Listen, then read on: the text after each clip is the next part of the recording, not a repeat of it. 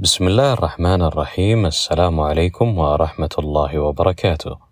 أنا ماجد السفياني مقدم بودكاست جرعة تفاؤل.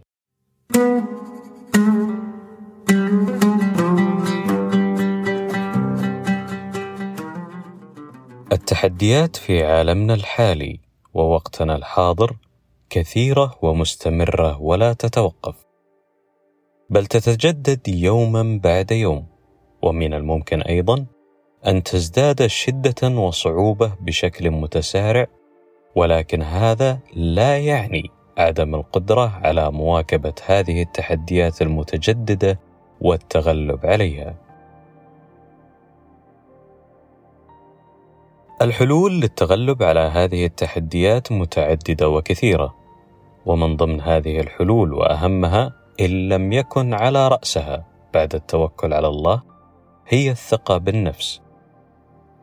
فالثقة بالنفس هي مفتاح أي أمر تقوم فيه في حياتك سواء كان كبير أم صغير، لدرجة أن بعض الأمور قد نقوم بها بلا حتى وعي أو إدراك لأننا واثقين من أنفسنا عند قيامنا بهذا الأمر.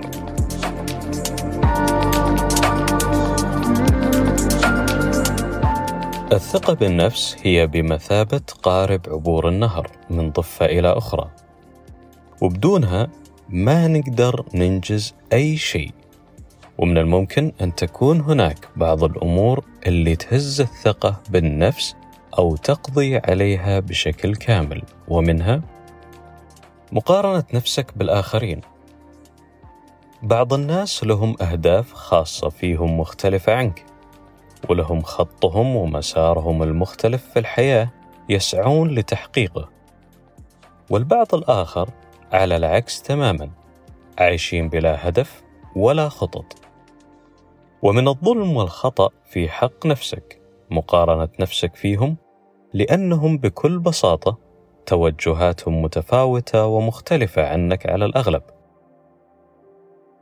كل اللي عليك هو أنك تركز على مسارك أنت. طالما أنك تتحرك اذا أنت تقوم بالأمر الصحيح بغض النظر عن النتائج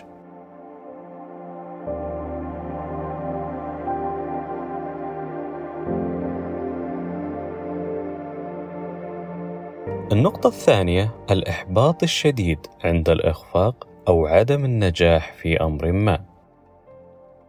لو كان النجاح بطبعه يتحقق بسهولة ما راح يكون له طعم ولا نكهة ولا بيكون في ناس تحرص عليه.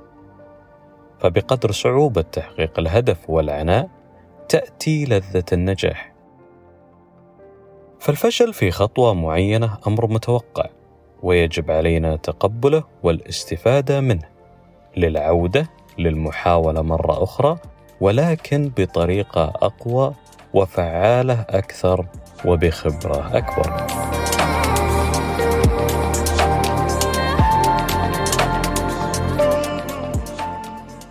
النقطة الثالثة وهي إحاطة نفسك بالناس الإيجابية كما ذكرنا ذلك في حلقات سابقة.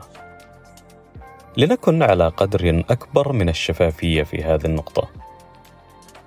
ليس كل من حولك يتمنى نجاحك، وليس كل من حولك يبسطه تطورك وتقدمك.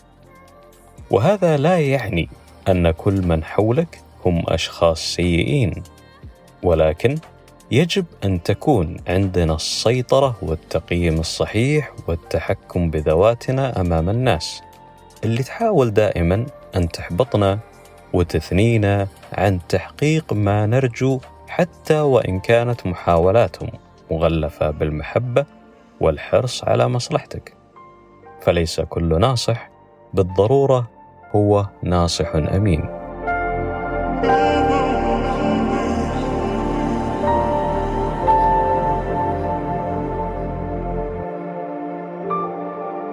النقطة الرابعة لا تحزن ولا تتأسف على نفسك وتعتبر نفسك ضحية دائما. اصنع واقع جديد لنفسك وكن مؤمنا بها محترما لها. قدم ما تستطيع في أي فرصة تجدها. وإذا لم تسير الأمور كما ترغب فلا تقوم بتضييع ما تبقى من حياتك في التحسر على هذا الشيء وبدلا من ذلك فكر بماذا كنت تستطيع أن تقدم أكثر مما قدمت وأنك راضي تمام الرضا عن نفسك وحاول مرة أخرى بطرق مختلفة. المهم الا تتوقف.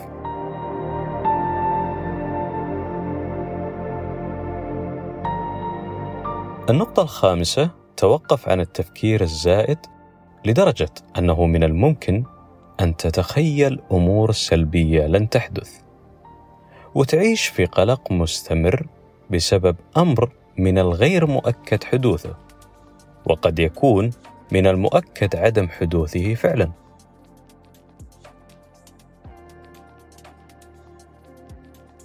في حال التردد من أجل القيام بأمر معين اسأل نفسك ما هو أسوأ شيء ممكن يحدث؟ ولو نفكر قليلا لا زال الأمر في إطار الممكن وليس المؤكد. بمعنى أنه ليس عائق عن الإقدام والبدء بتحقيق ما ترغب بعد التوكل. فالندم على عدم تجربة أو فعل شيء أسوأ من الفشل عند المحاولة للقيام به.